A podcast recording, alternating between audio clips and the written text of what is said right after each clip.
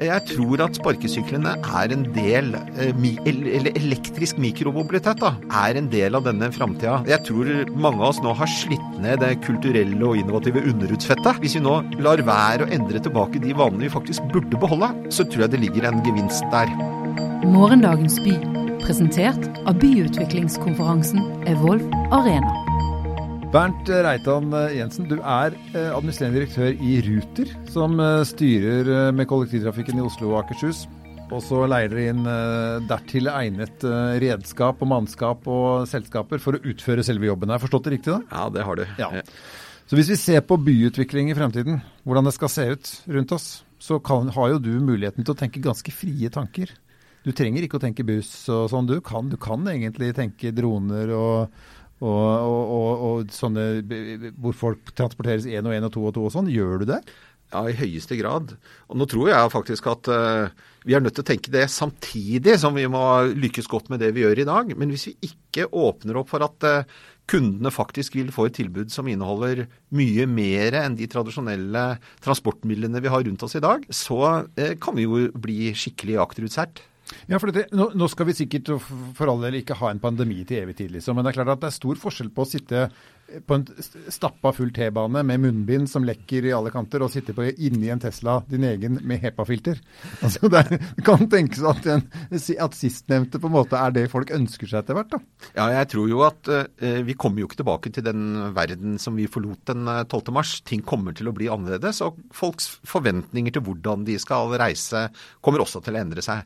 Selv om jeg selvfølgelig tror at uh, kollektivtrafikken uh, må og skal være et trygt sted å oppholde seg når verden, når vi har fått eh, botemidler og en vaksine mot den pandemien vi nå står i. da. Men jeg vet jo også at du har jo, du har jo uh, gjort noe så lite Uh, trolig for en del mennesker. Nå tenker på rutesjefen, da. Så skulle du tro at det, det er helt sikkert en, en, person som ønsker at vi skal reise så mye som mulig kollektivt. Men du har jo bl.a. snakket med Obos, Obos, om å legge til rette for at det finnes arbeidsplasser i bygninger som bygges og som eksisterer, slik at vi skal slippe å reise så mye. Hvorfor gjør du det? Ja, vi har jo en fantastisk flott visjon, syns jeg, som er bærekraftig bevegelsesfrihet. Bevegelsesfrihet, for det er jo selve det vi må lykkes med, den magefølelsen vi må lykkes å skape hos våre kunder for at, man, for at de skal kunne leve livene sine som de vil. Både fritids- og arbeidsreiser. Og så må vi sørge for at det foregår på en bærekraftig måte. Og Det kan jo bety at bevegelsesfrihet er å fri seg fra de reisene du faktisk ikke syns det er noe stas å ta. Og jeg tror jo at det å reise på de tidspunktene hvor det er veldig mange andre som skal, som f.eks. i rushtrafikken, at det går langsomt, at det er kø, og eh, ikke egentlig er lystbetont. Nei. Og Derfor så er det sånn at hvis vi kan skape et samfunn, et næringsliv, som er mindre avhengig av disse rushtidstoppene, og ikke bidrar til å skape dem, da har vi skapt en bedre verden. Både mer bærekraftig, mer hvor det er bedre å være forbruker og, og, og, og, medarbeider og lønnsmottaker. Men det også er bedre for næringslivet, og ikke minst bedre for miljøet. Fordi vi rett og slett vil bruke mindre ressurser. Men eh, når du da tenker relativt stort rundt dette med, som du sier, bevegelsesfrihet og bærekraftig sådan, er du litt redd for at vi ikke skal flytte nok på oss også? Jeg tror jo at det å ha bevegelsesfrihet, det å flytte seg, er noe sånn grunnleggende vi men men mennesker ønsker oss. da. Og de gode nyhetene er jo at dette kan gjøres mer bærekraftig enn det vi har gjort i dag. Vi ser jo hva elektrifisering f.eks. betyr, og hvis vi reiser smart og kanskje bruker mindre ressurser på å kjøre tomme kjøretøy rundt osv., så, videre, så kan vi klare å gjøre dette med mindre fotavtrykk. Så, så jeg, Men jeg, det blir jo ikke borte. Jeg tror vi mennesker vi liker jo å flytte oss. Vi liker å møte andre mennesker øh, fysisk. Og, da, og jeg tror at store deler av næringslivet fortsatt vil være helt avhengig av at uh, man møter opp på et bestemt sted. Kanskje fordi at rett og slett arbeidsoppgavene er der. Men hvis du skal gi et frempek, sånn som du ser, ta Oslo da. Eh, en by med, som, som, smøres av et kollektivtransportsystem hele tiden og stopper det, så stopper alt. hvordan ser du for deg den byen sånn sett om la oss si 15 år, da? Jeg, jeg gir deg ikke 10, jeg gir min 15. Ja, vi, eh, det, når du skal begynne å spå om framtida Jeg bruker jo å si at man vanligvis skal være litt skeptisk til folk som sier de veit noe om framtida, men, Ja. men allikevel så kan vi jo se noen trender. Og kanskje vi skal plukke fram en av de tingene som er eh, som skjedde ganske nylig, nemlig hva skjedde når vi fikk disse sparkesyklene? Ja. Eh, Det er jo på mange måter bevegelsesfrihet for de som i hvert fall sparker på dem og ikke snubler i dem. Mm. Så det at vi, vi mestrer å introdusere sånne nye transportmåter er jo helt avgjørende for at det skal bli bærekraftig. Så du liker sparkesykler? Jeg tror at sparkesyklene er en del, eh, eller elektrisk mikromobilitet, da, Ja, ja. er en del av denne framtida. Dette, dette kommer til å henge sammen, og vi tenker jo sånn at vi må få et stort transportsystem som inneholder mange ulike måter å reise på, må faktisk henge sammen sømløst dersom de skal gi de beste brukeropplevelsene. Tror du vi får helt sånn personlig transport? Jeg synes jeg har lyst til å sitte aleine for et månedskort hvor jeg får noe som da, da, Du mener at noen skulle finne opp bilen? ja, Man må jo gå, må jo gå av seg sjøl akkurat hvor jeg vil. Som en, ja, men som, en, som en sparkesykkel der slipper å på en måte være for å bruke et svensk ord, medveten for å bruke det. Ja, eh, jo, eh, men altså, jeg tror vi, vi også i Ruter, når vi begynte å bli mer opptatt av kunder enn det vi kanskje historisk sett var, var, så så vi at egentlig er alle reiser individuelle. Det er, finnes egentlig ikke kollektivreiser. Altså Vi kan flytte oss, vi kan reise sammen fordi det er mer bærekraftig og kanskje mer effektivt også i mange sammenhenger. I hvert fall bruker vi mindre areal på den måten. Men egentlig er det vel ingen som har kollektive reisebehov. Vi har, og da, hvis, hvis hvis vi kan skape individuelle reiser, så kommer vi jo nok nærmere det kundene aller helst ønsker seg. Jeg har en eh, Jeg tenker på fremtiden, så tenker jeg altså Det som gjør livet mitt lettere å leve, kommer jeg til å si ja til og være villig til å betale for. Og Det som er dumt med bussen nå, eller Nesoddbåten nå, som jeg må ta, det er jo at jeg må komme meg til den. Og så skjønner jeg det fellesskapet der over fjorden der, liksom. Det er selvfølgelig veldig praktisk at vi drar alle på én båt og sånn. Men det er jo et potensial å hente meg hjemme og få meg dit jeg skal, uten at jeg slipper å tenke på det. Nei, jeg tror jo den suksessen, ja, nei, den, den suksessen vi ville hatt de siste årene med de digitale kundegrensesnittene, har vært med på å få reisende til å oppleves mer individuelle. Vi har altså bygget en slags digital bro et, fra dine personlige behov til et ganske statisk ruteplanbasert Ja. eh, system. Og ved at det oppleves mer tilpasset deg, så opplever du reisen som mer individuell. Jeg tror faktisk det er en av grunnene at vi har lykkes bedre med det. Har gjort kollektivtrafikken mer populær i, i Oslo og i Akershusviken de siste årene. Så du tror ikke at jeg kommer til å få en egen boble jeg kan sitte inne i?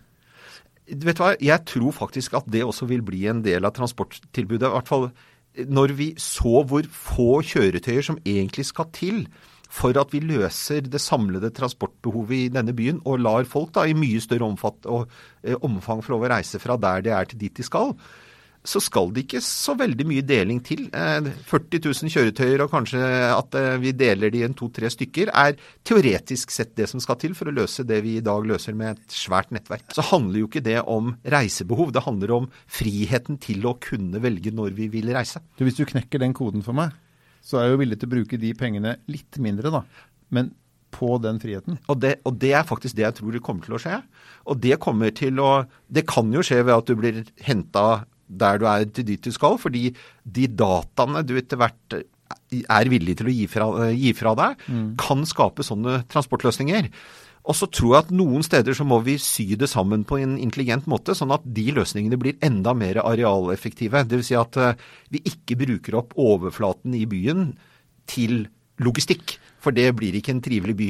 Nei, allerede nå så syns vi det ligger litt mye sparkesykler rundt omkring, så det, det er et eksempel på det. Men hva, men hva tror du det kommer til å gjøre med, med, med bytenkningen vår? Altså Ulike aktører man snakker med, så sier man at ja, de, vi, kommer til å flytte eh, plante- og naturlivet inn i byen. Eh, eh, by- byen kommer til å være en matprodusent. Det kommer til å være en, et, eh, pollineringsområde for bier og sånn, fordi det er mye blomster i forhold til et nedsprøyta landbruk osv. Altså, men hvordan ser du for deg at en, en by skal fungere med, med dette da hypertilpassede, hyperpersonlige transportsystemene som eh, vi i hvert fall ønsker oss?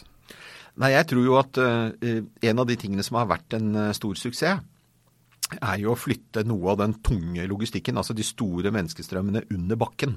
Ja. I Oslo har vi jo T-banen, og vi har også en del biltunneler. Eh, og hvordan vi utnytter det tunnelsystemet i framtida, det, det kan jo bety at vi får nye driftsarter også der. Enten det er selvkjørende podder eller biler, eller, eller kortere tog for den saks skyld. Mm. men at, at noe må skje under bakken, det tror jeg er ganske åpenbart. Jeg tror eh, antageligvis også noe kommer til å flytte opp i lufta, men da, da tror jeg at selv om droner bråker mindre og mindre, at, at er, vi, kan fort få samme type si, trengsel der som det vi, vi begynte med å ha på bakken. Så den flyvende bilen vi leste om da vi var små, den, eh, den, den, den har du ikke så tro på? Den er nok nærmere nå, og vi har jo sett at uh, ubemanna, altså automatisert uh, dronetrafikk uh, tror jeg faktisk ikke er veldig langt fram. Men storskala og systemer det, Dette kommer til å være ressurskrevende og energikrevende. Mm. Så om det vil erstatte kollektivtrafikken sånn som vi kjenner den i dag, altså med den, med den, samme rollen, der tror jeg vel Der ser jeg ikke helt hvordan det skal skje med den teknologien som vi nå først ser kommer, i hvert fall. Men da er, du, da, da er det fortsatt litt sci-fi for deg, akkurat de tingene? Ja, det er veldig spennende, da, men jeg tror jeg, jeg, jeg, jeg, jeg er ikke helt ja, er, Og det kan jo hende at dronetaxier altså ja. Og du kan jo også se eh, f.eks. på steder hvor vi i dag har en øy hvor det bor noen folk, og som skal kanskje ha en veldig kostbar bru eller en veldig dyr motorvei eller jernbane. At der hvor, så ligger jo Norge veldig godt til rette for at en del sånne prosjekter faktisk kan la seg betjene med, med droneløsninger, da, og at det nødvendigvis ikke behøver å like veldig veldig langt fram. Plutselig er det supersmooth å komme seg til Finse, liksom? ja, det er, og kanskje ikke minst det å sette sammen reiser på en klok måte. Ja. Det, vi ser jo allerede at noen har funnet løsninger oppe i, oppe i Hallingdalen hvor de har noen uh, halvgode biler stående på en nedsnødd parkeringsplass for å, og tar toget. Altså, mm. slipp, for å slippe å kjøre helt fram til hytta. Ser dere i rute For, altså det, for dere kontrakterer jo det til enhver tid mest hensiktsmessige eh, leverandøren eller eh, teknologien på transport. Mm. Uh, ser, ser, dere helt seriøst på, som du sier, altså ting som flyr og mer under bakken osv., og går til minister og sånn og sier at uh, her bør vi bore noe mer høler, og få, for vi kan nemlig skape denne byen i framtiden? Ja, Hvor mye er dere inni det, liksom? Tror, det, det, som er herlig med å jobbe i Ruter, da, er at vi må levere hvert sekund det folk har behov for i dag, og det som er mulig å gjøre i dag. Samtidig som vi må være veldig gode på å prøve å forstå hva som ligger foran oss, slik at vi bruker pengene klokt, og ikke minst kjøper, altså etablerer den infrastrukturen vi er mest sikre på at vi kommer til å trenge. En ting er på en måte det helt sånn hardcore eh, transportbehovet. Altså Vi skal flytte så mye, mange, mye masse fra, eh, fra, sted til sted, eh, sånn og sånn og sånn. Men så, men så, er vi jo folk. Det er huet på toppen her. Mm. hvor mye har det å si i måten du tenker på? Som, altså, som fremtidige eh, bykollektivtransportløsninger osv., så, videre, så er jo, det er jo mentale vesener som skal, skal flyttes rundt på.